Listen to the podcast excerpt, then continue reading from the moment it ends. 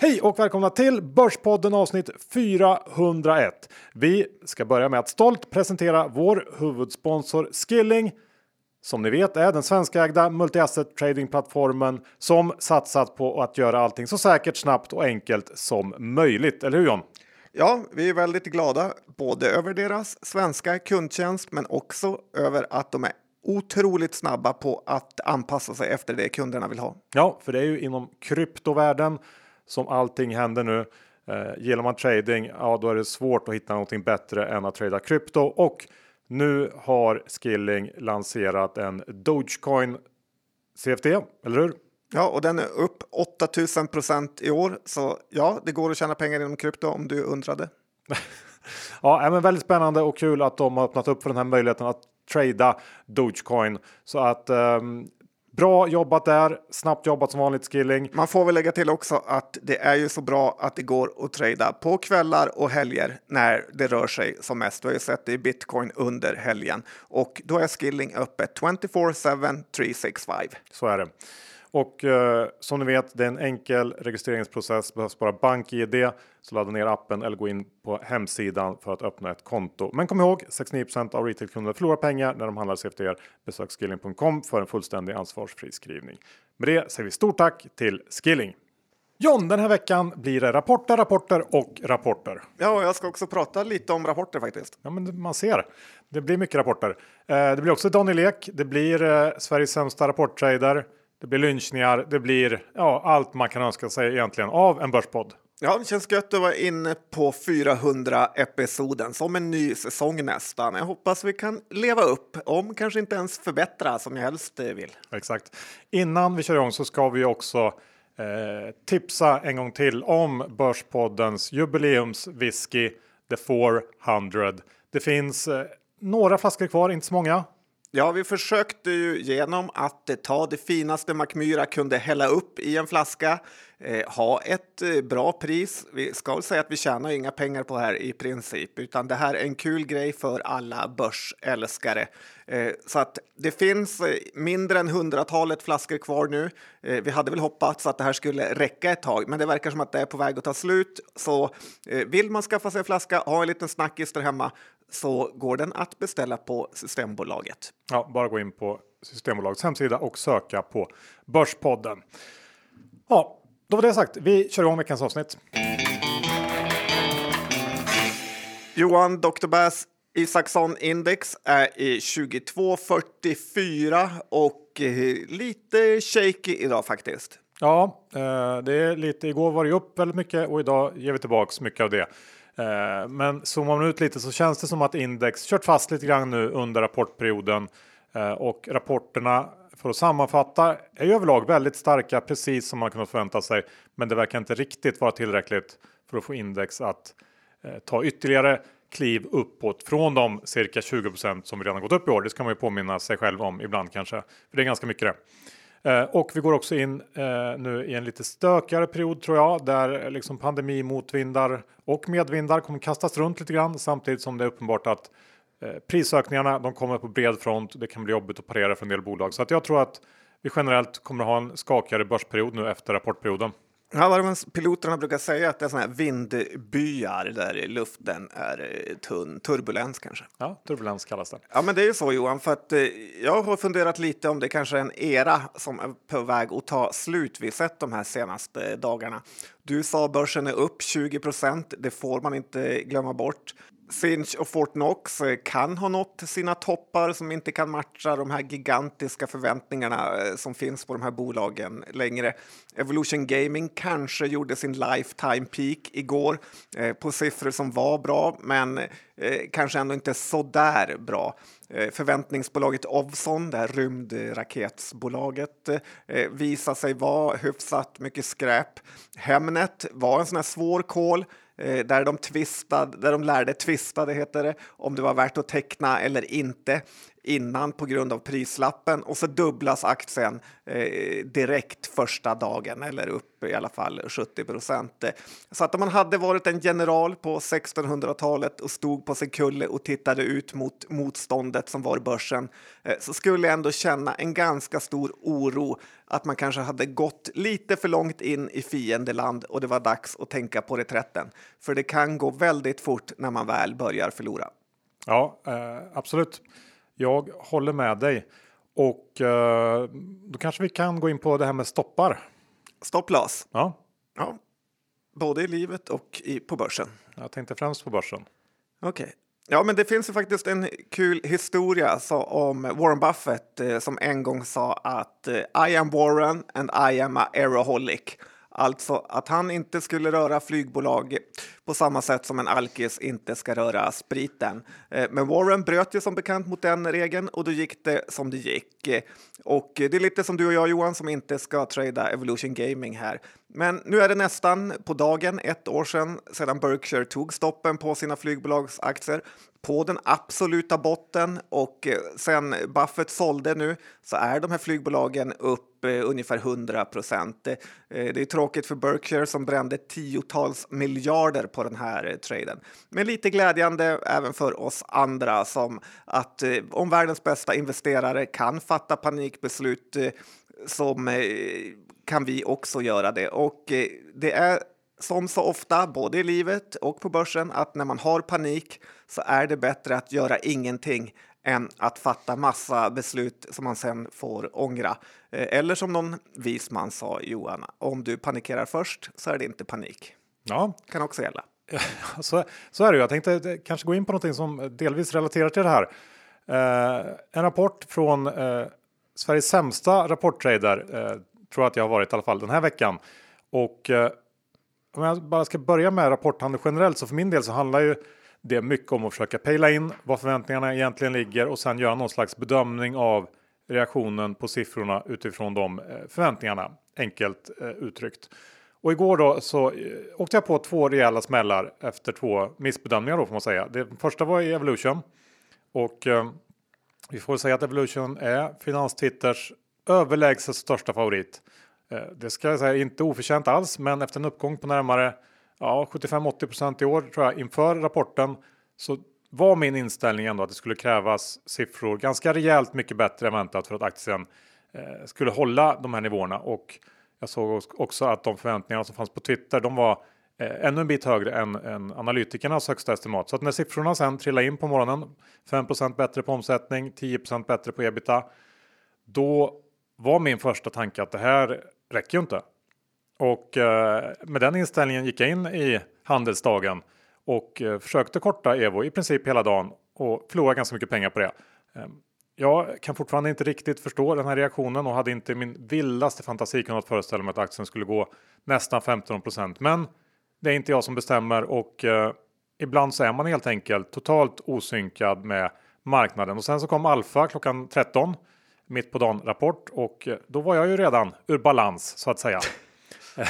Eh, och Alfa har ju också gått eh, väldigt bra på förhoppningar om återhämtning. Men här tyckte jag inte heller att rapporten var så där jättemycket att hänga i julgranen. Den var väldigt lik andra verkstadsrapporter vars aktier inte reagerat särskilt positivt på sina siffror. Så när rapporten väl kom, då äggade jag på säljknappen i äkta track and feed style alla Nintendo om du kommer ihåg det och lyckades sen sälja mycket mer än vad jag hade tänkt för jag såg först inte att ett antal ordrar gått till avslut. Ehm, så att ja, så blev det med det och förlorade jättemycket pengar på några sekunder bara. Eh, även här hade jag helt fel. Eh, jag kan köpa att Alfa var stark på rätt ställe, det vill säga inom Marine, men jag hade ändå inte trott om jag fått se siffrorna innan eh, att aktien skulle gå upp, utan jag hade gissat ner. Ehm, men så är det. Ibland har man helt fel och är osynkad med marknaden. Mm, det är inte lätt med börsen för då hade alla hållit på med den Johan. Nej, så är det.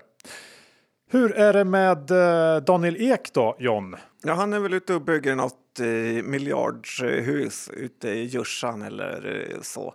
Men det som jag tycker är intressant är hans utspel på Twitter om att han ska köpa Arsenal och även om de här nu amerikanska ägarna säger att de inte vill sälja så finns det ändå ingenting jag önskar mer än att Daniel Ek köper eh, en fotbollsklubb.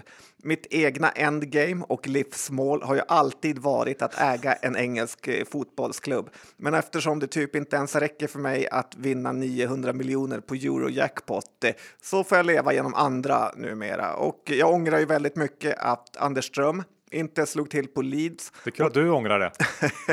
Ja, Ja, eh, och, så kan man tänka. ja faktiskt. eh, För jag lever ju genom andra Johan. Ja. Så då kan jag även ångra deras beslut. Ja, men det är synd, för då hade han också varit med i den här dokumentärserien Ja, som gick, eller går kanske. på Viaplay. Mm. Eh, Ja, men nu när han inte köpte Leeds så får inte den här chansen försvinna också. Så att Daniel Ek, gör något roligt med dina pengar och bli inte som alla andra miljardärer som bara lägger dem på hög.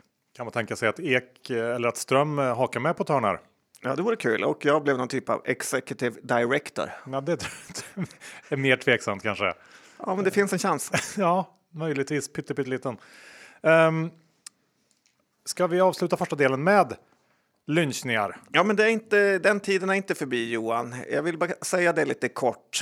Och eh, Sketchers är ju ett skobolag som jag fått upp ögonen för tack vare en sån här klassisk lynchning eh, för några år sedan faktiskt. Jag upptäckte att när mina barn fick eller köpte nya skor så blev det väldigt ofta Sketchers. Och eh, för en vecka sedan rapporterade eh, Sketchers en drömrapport eh, här och aktien stack iväg med 15 procent. Och jag såg att man numera är det bäst säljande skomärket eh, på hela Amazon. Eh, och jag tror att det är en väldigt vinnande strategi inom aktier och investeringar att titta på vad andra människor gör och eh, framförallt när det är något nytt som man inte lagt märke till förut så bör man stanna upp och tänka hur kan jag tjäna pengar på det här? Vi är denna vecka sponsrade av Placeringsguiden och Placeringsguiden är ju Sveriges ledande börstidning för köpstarka och aktiva placerare. Den är fullmatad med analyser ehm, och färska konkreta placeringsråd om aktiefonder, råvaror och andra placeringar. Eh, man eh, kan helt enkelt låta sig inspireras av de här olika temanumren som kommer ut och deras aktieportfölj som på 20 år har gett 15,8% per år i snitt. Och just nu så finns ett eh, väldigt fint erbjudande till Börspoddens lyssnare. Man får sex nummer av placeringsguiden för 299 kronor. Det är nästan 50 rabatt. Ordinarie pris är 594 kronor och eh, ja, det här är ju inte så mycket att fundera på, eller hur John? Nej, men det är verkligen kul att ha en sån här tidning liggande framme och bläddra igenom då och då. Verkligen allmänbildande och eh, dessutom så med bara ett bra råd så har man verkligen tjänat igen de här pengarna gånger hundra. Så är det. Så gå in på privataaffärer.se placeringspodd. Jag upprepar privataaffärer.se placeringspodd och beställ din prenumeration. Tack Placeringsguiden! Okej, okay, då börjar vi att dra igenom rapporter. Vi gör det snabbt för det är många som ska avhandlas. Vi börjar med eh, verkstad, tycker jag. Ja, för att du ska få prata först. Nej, eh, för att det kanske är den sektor som haft svårast att övertyga börs börsen trots fina rapporter och eh, i princip alla rapportreaktioner i sektorn med några undantag får man säga har varit svagare än vad, vad de här om man tittar på mäklarhusen när de kommenterar rapporter innan öppning eh, vad de har indikerat och man får nog konstatera att förväntningarna nog varit lite högre än de officiella samt att jag tror att marknaden kanske ändå känner en viss oro för hur komponent, komponentbrist och stigande kostnader ska slå framöver trots att i princip vartenda bolag jag har lyssnat på i alla fall säger att de har läget under kontroll. Det är lite kul med just eh, namnet Mäklarhus när det sitter någon analytiker hemma just nu i kalsongerna och skriver eh, lite korta rapportkommentarer. Så att eh, ja, Mäklarhus sätter jag frågetecken framför. Ja, det kan du göra. Eh, men vi ska lite snabbt gå igenom några av dem. Volvo kan vi börja med som man ändå får säga levererar den starkaste verkstadsrapporten så här långt. Orderintag och resultat långt över förväntningarna drivet av styrka i lastbilsdivisionen och um, Volvo höll fast vid de här två till fyra veckornas produktionsstopp man har gått ut med sedan tidigare. Eh, VD Lundstedt var ju allmänt nöjd och lite småkaxig kan man säga efter rapporten och mena att om man inte har några som helst problem med att leverera nu så har man inte spänt bågen tillräckligt hårt och eh, tycker ändå att det var ett ganska smart sätt att vända på steken när det gäller den här synen på komponentbrist. Eh, givet alltså att man då klarar av det lika bra framöver för att det är ju möjligt att det där uttalandet står tillbaks mot honom längre fram. Men jag tycker ändå att det här är den bästa verkstadsrapporten så här långt. Någon kommentar där? Nej, jag hade gärna velat se ta fram gitarren och dra några låtar. Håkan Hellström. Ja, det hade jag också. Eh, sen tänkte jag ta Sandvik, SKF, Alfa och Atlas i ett svep för att jag tycker att eh, utfallsmässigt så kom de in väldigt eh, liknande. Och alla är totalt lika stora som Evolution Gaming just nu. Ja, ungefär. Eh, omsättning och resultat inom eh, någon procent från förväntningarna och eh, orderingång i samtliga fall runt 8 till 10 bättre, förutom Sandvik då som inte redovisar någon orderingång. Eh, men, men eh, Sandvik och SKF tappar 5-6% på sina rapporter. Atlas eh, var flat och eh, Alfa eh, belönades med en uppgång på 3 och jag, jag var inne på när det gäller Alfa. Vi pratade om det tidigare här att det var marindelen där som var, var stark och det man ville skulle vara starkt. Eh, men som grupp här får man nog säga att, att eh, även om det samlade intrycket är att rapporterna har varit starka så har börsen gått lite väl snabbt fram. Eh, mycket eh, inprisat helt enkelt i den här sektorn. Ja, så är det verkligen. Och det är ju nästan frågetecken varje dag om hur ett eh, bolag som Atlas egentligen kan ha den värderingen som den har. Ja, eh, så är det ju. Ska vi byta bana och gå över till någonting roligare? Kopparbergs tänker jag på. Ja, men där är det faktiskt ganska kul för att... De har ju inte rapporterat än ska vi tillägga. Nej, precis, utan det här kan vara ett litet eh, späck och UK, United Kingdom har ju öppnat upp till viss del, eh, pubbar och så vidare. Och jag läste i brittisk media nu att det är brist på öl hos pubbarna eh, i England för att efterfrågan är så stor. Jag tycker det lovar väldigt gott för Bronsrands Kopparberg eh, som är stora i England och sen har vi ju EM i sommar så att det kan bli precis hur bra som helst här eh, när livet på något Eh, sjukt sätt kommer återgå till det eh, normala. Så att det finns ett otroligt uppdämt behov i många, eh, framförallt europeiska länder, att eh, göra eh, roliga saker. Och sen har ju både Heineken, Royal Unibrew eh, rapporterat fina siffror. Eh, Carlsberg kom i morse med sin rapport eh, som också var väldigt bra, även om aktien handlades kring nollan. Så att eh, Kopparbergs kan faktiskt vara en eh, bra trade för det kommande året. Det håller jag med om och när vi ändå är inne på bolag med lite brittiska kopplingar. Hur är det med Astra? Ja, här kan man ju säga att eh, otack är världens lön som eh, man brukar säga. Och eh, Astra har ju fått betala ett väldigt eh, högt pris för eh, sitt försök att göra ett vaccin eh, tillsammans med Oxford universitetet eh, som de säger att de inte ens ska försöka tjäna några pengar på. Och eh, i en sån här pandemi där ingen riktigt vet vad som händer så försöker Astra göra ett vaccin. Och när det väl är klart så ska EU stämma Astra. Och sen har media hetsat upp eh, politikerna och befolkningen eh, så mycket i, de här, i alla länder att ingen vill ta vaccinet, utan man är mer rädd för det än för corona. Och det här tycker jag man har sett i aktiekursen. Och man kanske ska fundera på om man ska göra som aktieräven Sven-Olof Johansson och bortse från all den här negativiteten och istället köpa Astra-aktien som har gått ner från eh, över tusenlappen till 880 kronor här. Eh, trots att Astras då bästa år egentligen ska ligga eh, framför de här nu när de har bytt fokus lite grann.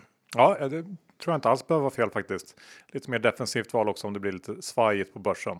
Eh, nu vill jag höra vad du har att säga om eh, ditt lilla favoritcase Firefly som rapporterade igår va?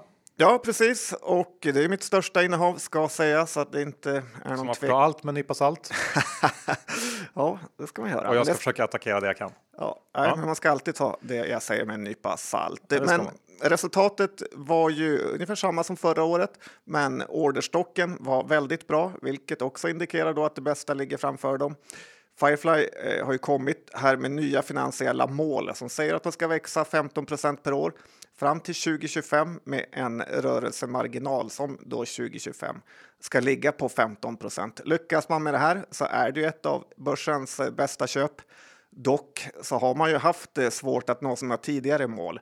Så trovärdigheten med de här målen är ju lite låg får man ändå säga. Sikta mot månen och nå till trädtopparna typ. ja, jo, jag vet att du vill det. Men eh, det ska ju sägas med Firefly att all tillväxt som de har haft är ju faktiskt organisk, alltså utan mm, några förvärv eller så. Så eh, bolaget är också väldigt välkapitaliserat med 55 miljoner i kassan och eh, 54 miljoner i kortsiktiga fordringar här och eh, varulaget skulle man kunna nätta bort mot eh, skulderna. Så att eh, eh, vill de förvärva något så finns det verkligen möjlighet eh, till det. Idag fick man dessutom eh, drygt två kronor i utdelning också. Men med allt det sagt så önskar jag ändå att bolaget var lite rappare och aggressivare med förvärv och så vidare. Men annars verkar det vara en stabil business. Ja, det är väl just det. Ett stabilt, lite så här tråk-case, men det är inte så att det sprakar eh, kring det här bolaget. Nej, det borde det göra om man heter Firefly. Ja, ja, så är det. Eh, Husqvarna kan vi ta också. kommer en eh, riktigt stark rapport. Alla tre divisioner presterar starka siffror och Gardena var väl den del som stod ut, växte 37% och vd sa att eh, man har sett till att bolagets återförsäljare nu har ett högre lager än normalt när man går in i trädgårdsfixar högsäsongen här och eh, det gör väl att man nog kan räkna med en stark utveckling även under Q2. Eh, Men man ska väl komma ihåg att Gardena är en så kallad hemmafixarvinnare. Det är lite oklart hur efterfrågan kommer se ut när effekten ebbar ut här under året. Och eh, det här bolaget hade väl också en negativ pandemieffekt förra Q1 och en positiv effekt i år så att det förstärker väl de här ja, trenderna lite grann. Ehm, och att det här skulle bli ett starkt kvartal hade börsen redan klarat ut. Ehm, aktien var upp rejält inför siffrorna och det blev lite av ett antiklimax när, när rapporten väl kom. Ja, Husqvarna är ju ett eh, svårt case som många har som eh, favorit. Jag har inget att tillägga. Nej. Uh, ska vi ta uh, återhämtningscaset Electrolux, inte Lux, Lux, Electrolux uh, Pro. Ja, det är väl ändå ett kvalitetsbolag. Electrolux tvättstuge, tvättmaskin. Ja, och, och de har väl liksom köksgrejer och så också, storkök. Uh, de kom med sin Q1 uh, igår och den följer börsen i smaken. Ehm, för även om intäkterna föll med 15% förra året så var det bättre väntat. Ehm, storköksdelen tappar 21% organiskt i årstakt. Ehm, men ebitda kom in, eller ebita kom in nästan 40 över förväntningarna och även om, om Q1 då som helhet var svagt så, så uppvisar faktiskt mars den första po positiva tillväxt ja, månaden på 12 månader. Och eh, det är väl lite det som, som börsen tog fasta på antar jag. Det båda gott inför kommande kvartal. Att det ska komma en, en stark eh, återhämtning här. Jag tycker i och för sig inte att det, det, den här aktien inte är något fynd på de här nivåerna. Den har gått jättestarkt, men eh, ja, det är ett återhämtningscase i alla fall. Ja, jag eh, köpte ganska mycket av den här igår som jag tyvärr har eh, sålt och eh, för tidigt också. Eh, jag håller med riktkurserna som bankerna har här, eller mäklarhusen som kalsongskribenterna kallar sig, har ju riktkurser just över 60 kronor så att uppsidan känns inte gigantisk härifrån, eh, även om det är ett så kallat återhämtningscase. Ja. Eh, SSAB brukar vi inte prata om. Ska vi ta upp dem lite snabbt? Ja, det här är en aktie som kanske den jag har tradat mest i mitt liv här, i alla fall under min tid eh, på Remi. Men jag tycker lite synd om den aktien nu och jag tror faktiskt eh, det här kan vara läge att gå in i eh, den. Och eh, man kom ju med, alltså SSAB, med en riktigt fin rapport. Eh, men så verkar det att under dagen så läcker det ut att finska staten ska sälja ut aktier. Så aktien går från bra med plus på över 50 kronors nivån och eh, backar ner mot eh, 48 och sen då på efterstängning så kommer den här eh, placingen som måste ha varit läckt på något sätt eh, av en eh, väldigt stor del av SSABs aktier. Och eh, det verkar sättas på ganska svaga händer. Många traders fick aktier, det kan man inte tro när finska staten ska sälja ut. Men jag tycker att det luktar köpläge här. Visserligen har ju SSABs insatsvaror som järnmalm det priset har ju gått i taket, men man får ju bra betalt för sina grejer också och det är ändå det viktigaste att efterfrågan finns där. Eh, så det känns lite som kaka på kaka vad gäller aktiekursen här för SSAB i negativa saker. Och eh, tittar man på Nocor och eh, United States Steel i USA som har den krispiga artikeln, vet du vilken det är? Still.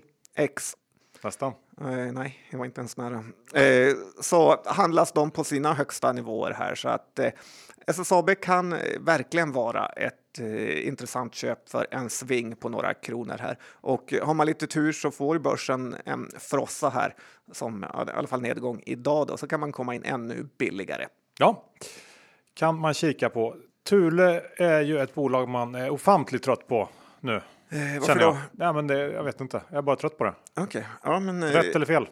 Ja, det känns väl ändå lite fel här skulle jag säga, för det är ju ett av börsens bästa bolag, även om vdn där blivit anklagad för lite fulaffärer med brevlådeföretag och andra grejer eh, som AMF Pension för blundar för eftersom man är 100 procent eh, fake. Jag tycker det är pinsamt med sådana här fondbolag som AMF som låtsas vara så goda, har kommittéer och gör fina reklamer om eh, barn och farfar, föräldrar som dansar runt och det är så himla, de är så ofattbart goda. Men när det väl gäller så bryr de sig ingenting. Eh, otroligt svaga tjänstemän. Hade de haft lite handlingskraft där så hade man ju såklart som största ägare kickat vdn. Eh, men som sagt, AMFs tjänstemän är bäst på att skriva handlingsplaner. Eh, men vi går över till bolaget här då, så är ju Thule ett klockrent bolag med eh, i princip eh, alla deras produkter här har ju väldigt stor efterfrågan på dem. Dessutom, vilket är ett bra tecken, är ju att andrahandsmarknaden för Thules eh, produkter på till exempel Blocket är väldigt, väldigt bra. Pristappet är inte stort på begagnade saker, vilket talar ju för att eh, konsumenterna älskar dem och att de faktiskt eh, har den här kvaliteten som utlovas. Lite fritidsprodukternas Rolex. Ja, men faktiskt. eh, Man har ju mycket hellre en Thule takbox än en Packline. Vad är det du har nu igen, Johan? Det var väl Packline? Mm. Eh, tyvärr, får man väl säga vad gäller Thule, så har de kommit med ett ganska defensivt 2030 mål där de ska dubbla sin omsättning, vilket först låter ju ganska bra. Men när man bryter ner det är det inte alls många procent eh, per år. Eh, jag tror det är det som har fått aktien att ta en paus här och eh, förmodligen skulle jag misstänka att det är vdn som lyckats få styrelsen att lowballa målen för att sen kunna överträffa dem och då få högre lön, bonus, optioner, allt vad det kan vara. För att växa 7% per år eh, som ett för, för ett företag som Thule är inte mycket. Det liksom, räcker med prishöjningar som skulle kunna lösa det. Ja, möjligtvis. Å andra sidan så behövs det inte så många Thule produkter när man ska sitta på puben och dricka pints, vilket man kommer att göra nu eh, ett år framöver. Så att det kanske finns någonting där som börsen har sett. Ja, man kanske är trött på att cykla runt i sin i cykelvagn och dra barnen efter sig. Jag har buntat ihop två stycken så kallade rövcase som rapporterat. Kan Ja. du gissa vilka? Det finns ganska många Minesto Ja, men det här är storbolag. storbolag. Nej, men då får du berätta. Ja, det är Telia och Saab. Eh, och eh, Telia gjorde precis som vanligt. Det vill säga kom in ungefär som väntat, men gjorde ändå alla besvikna och aktien gick ner. Alla analytiker tycker det är billigt, men ändå händer ingenting och eh, tror man kan testa lite svingköp på låga 34 igen. Den har trendat mellan 34 och ungefär 38 i ett år nu och eh, kommer säkert fortsätta med det. Så kommer den ner där så eh, köper jag lite grann helt enkelt. Det har varit en bra strategi. Vad kallas case som är eh, liksom, på de lägre listorna om det här är rövcase Johan? Det får jag inte säga. Bara, bara, jag vet inte. Eh, Men sen har vi Saab. Um, oväntat eh, blev vi Saab en vinnare på sin rapport. Eh, den var i och för sig bättre än väntat, men tycker inte att den imponerar så överdrivet mycket och eh, bolaget höll också fast vid sin guidning för helåret. Den här eh, ganska tama guidningen som fick aktien att kollapsa i slutet på förra året. Eh, kassaflödet var helt okej och eh, kanske var det det som fick fart på aktien eller så kanske marknaden anar ändå att man senare i år kommer att höja den här försiktiga guidningen. Vi får hoppas på det helt enkelt så att det kan gå så att det här eh, caset kan försvinna från rövcase-hyllan. Eh, ja, men det ska ju mycket till. För eh, lite synd om Telia som när de delade ut en krona gick ner två kronor. Tycker det säger en del. Och eh, Saab, att den handlas på 250 kronor fortfarande är ju sån otrolig eh, pinsamhet för ledningen. Alla andra aktier har hämtat sig, så att det är verkligen ett rövcase. Och eh, det behövdes inte alls mycket för att den skulle sticka upp några kronor på sin rapport. Men som bolag är det otroligt misskött. Så är det. Getinge har rapporterat. Sällan jag har sett så många analyshus, ska vi börja håna det ordet ännu mer Johan, någonsin höja sina riktkurser efter en rapport som efter just Getingens rapport. Precis alla höjde. Danske till 313, Pareto till 320, SEB till 301, DNB till 320, Carnegie till 315. Så att har man någon som helst respekt för analytikerna så borde det vara köpläge nu faktiskt. En invändning man kan ha är ju att det här är slutet av pandemin och att eh, Getinge gynnades ju av den såklart och kommer nu missgynnas när den går mot eh, sitt slut.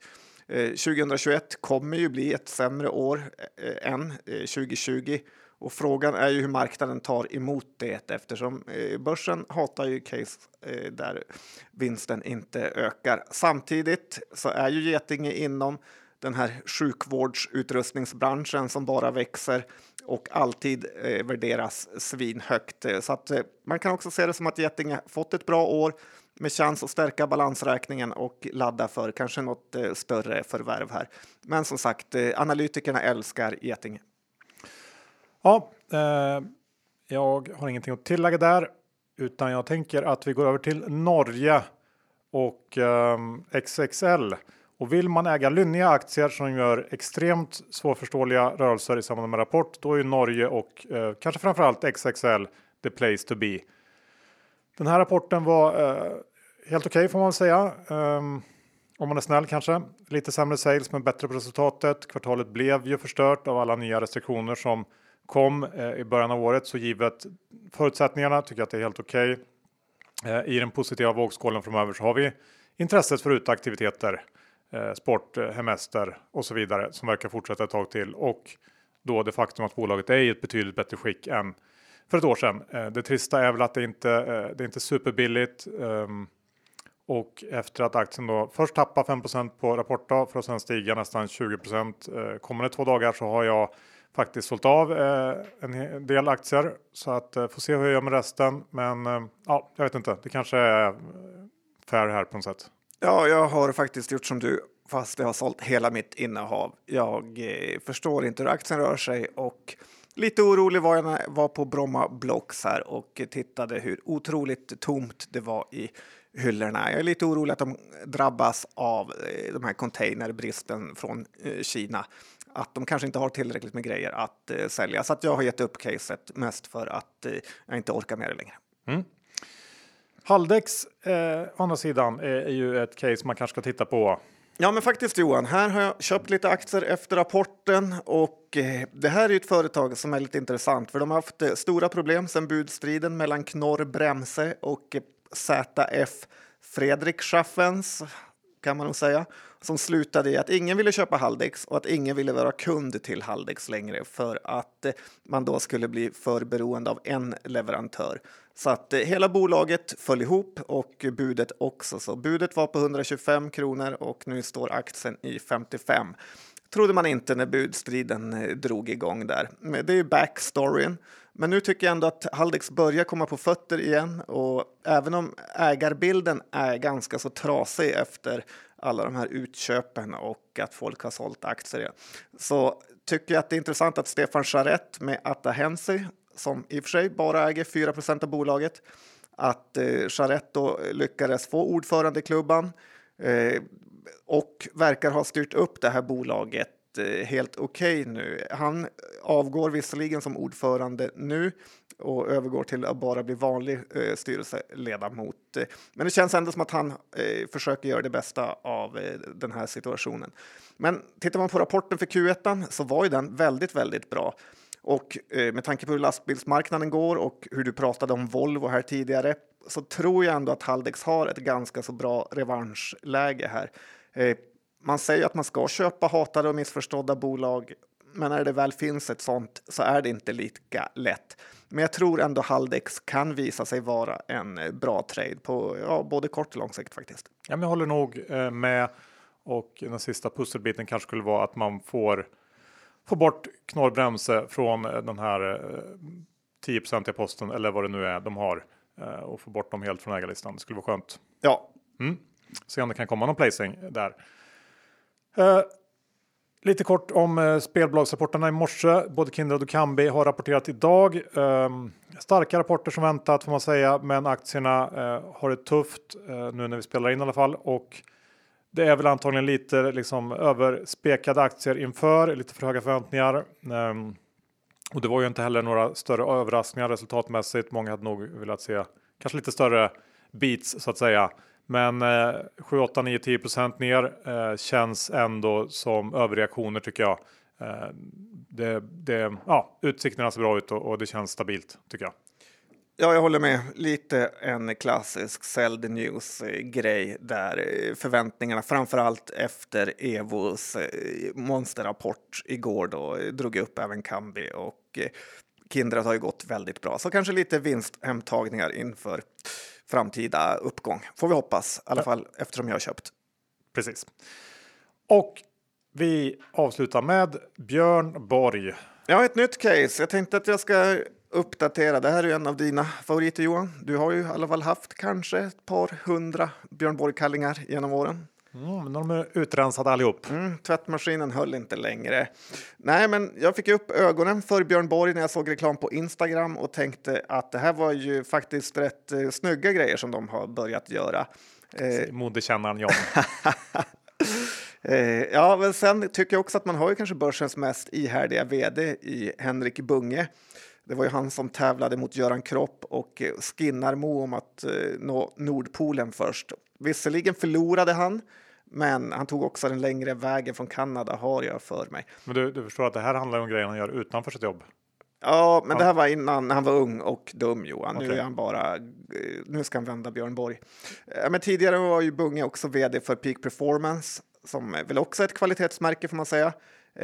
Björn Borg slipper också numera betala de här royaltyn till självaste Mr Björn Borg som det var ett väldigt snack om på, eh, för några år sedan här. Så att eh, får man bara fart på försäljningen så tycker jag att man kan ha en eh, väldigt intressant eh, framtid här. Kalsongerna är fortfarande en för stor del tycker jag, men man har ökat starkt senaste året här inom sportsegmentet. Och det känns ju också som att märken man känner igen bara blir viktigare och viktigare för att inte behöva lägga alla pengar på marknadsföring här. Ett minus är ju dock loggan skulle jag säga som är Borg med stora bokstäver. Tycker att det borde gå att hitta något läckrare än det faktiskt. Sen får man inte glömma bort att du får en direktavkastning på över 6% så att det inte så illa det heller. Rapport i mitten av maj så får vi se om mina modeögon har spanat rätt tror tyvärr att du är fel ute här. Eh, många antaganden du gör som jag direkt känner är tveksamma, för att inte säga eh, antagligen helt uppåt väggarna. Eh, du börjar med att säga att de bara ska komma tillbaka till tillväxt. Det är ju lite det som är problemet. Eh, det här är ett eh, gammalt trött varumärke som inte längre har någon eh, lyskraft. Ingen vet vem Björn Borg är längre. Kidsen bryr sig inte. De har kalsonger som ingen vill ha. Det, jag tror tyvärr John att eh, det är kört, eh, även om de skulle liksom lyckas tillfälligt med någon slags annan sportkollektion. Det är så många andra nu som är ute och kämpar här som har moderna, liksom fräscha eh, takes på det som eh, jag tror Björn Borg får svårt att på något sätt eh, möta. Ja du, ja, du har ju bra poänger. Samtidigt så går ju bolaget, eh, tjänar ändå helt okej okay med pengar och skulle behöva någon hit. Men lite på gamla meriter på något sätt känns som. Lite ja. som att Björn Borg fortfarande blir inbjuden till liksom uh, Wimbledon och sånt. Trots att han kanske inte riktigt uh, var på den nivån. det Efter... kanske han var om han vann fem Wimbledon Jo, men efteråt vet jag att man får inbjudningar i ett antal år efteråt. Uh, eller så är det i golf i alla fall, kanske inte i tennis. Men lite sån känsla. Alltså han är ju och tittar, han spelar inte Wimbledon. Jo. Nej, jag vet att han inte gör det längre, men du förstår min poäng. Ja, vi lämnar ja, det. Ja, vi lämnar det. Vi får se. När rapporten kommer får vi återkomma till det. Slut på avsnitt 401. Vi säger stort tack till Skilling, vår huvudsponsor. Vill ni trada, då är det hos Skilling ni ska göra det. De har allt och lite till. Ja, dessutom är det öppet, öppet jämt så att, eh, det är en stor fördel jämfört med andra nätmäklare. Ja, så att om ni inte öppnar konto så gör det. Eh, men kom ihåg riskerna med CFDR. Läs om det på hemsidan. Bra och missa inte vårt erbjudande från placeringsguiden. Eh, Sex nummer för 299 kronor, eh, nästan 50 rabatt. Ni går in på privata affärer, alltså utan prickar. .se snedstreck placeringspodd för att ta del av det. John, hur är det med innehav den här veckan? Ja, det är ju så att jag har Firefly, Haldex, Björn Borg och och eh, Kambi. Mm, jag har Kambi och lite XXL kvar. Eh, får vi se hur det går. Vi eh, tackar er för den här veckan. Glöm inte bort virren på systemet. Um, ja. Nej, för snart är den slut och då kommer den aldrig mer tillbaka. Nej, det gör den inte. Bra. Tack. Ska jag säga så? Ja, vi säger så. Hej då! Hej då!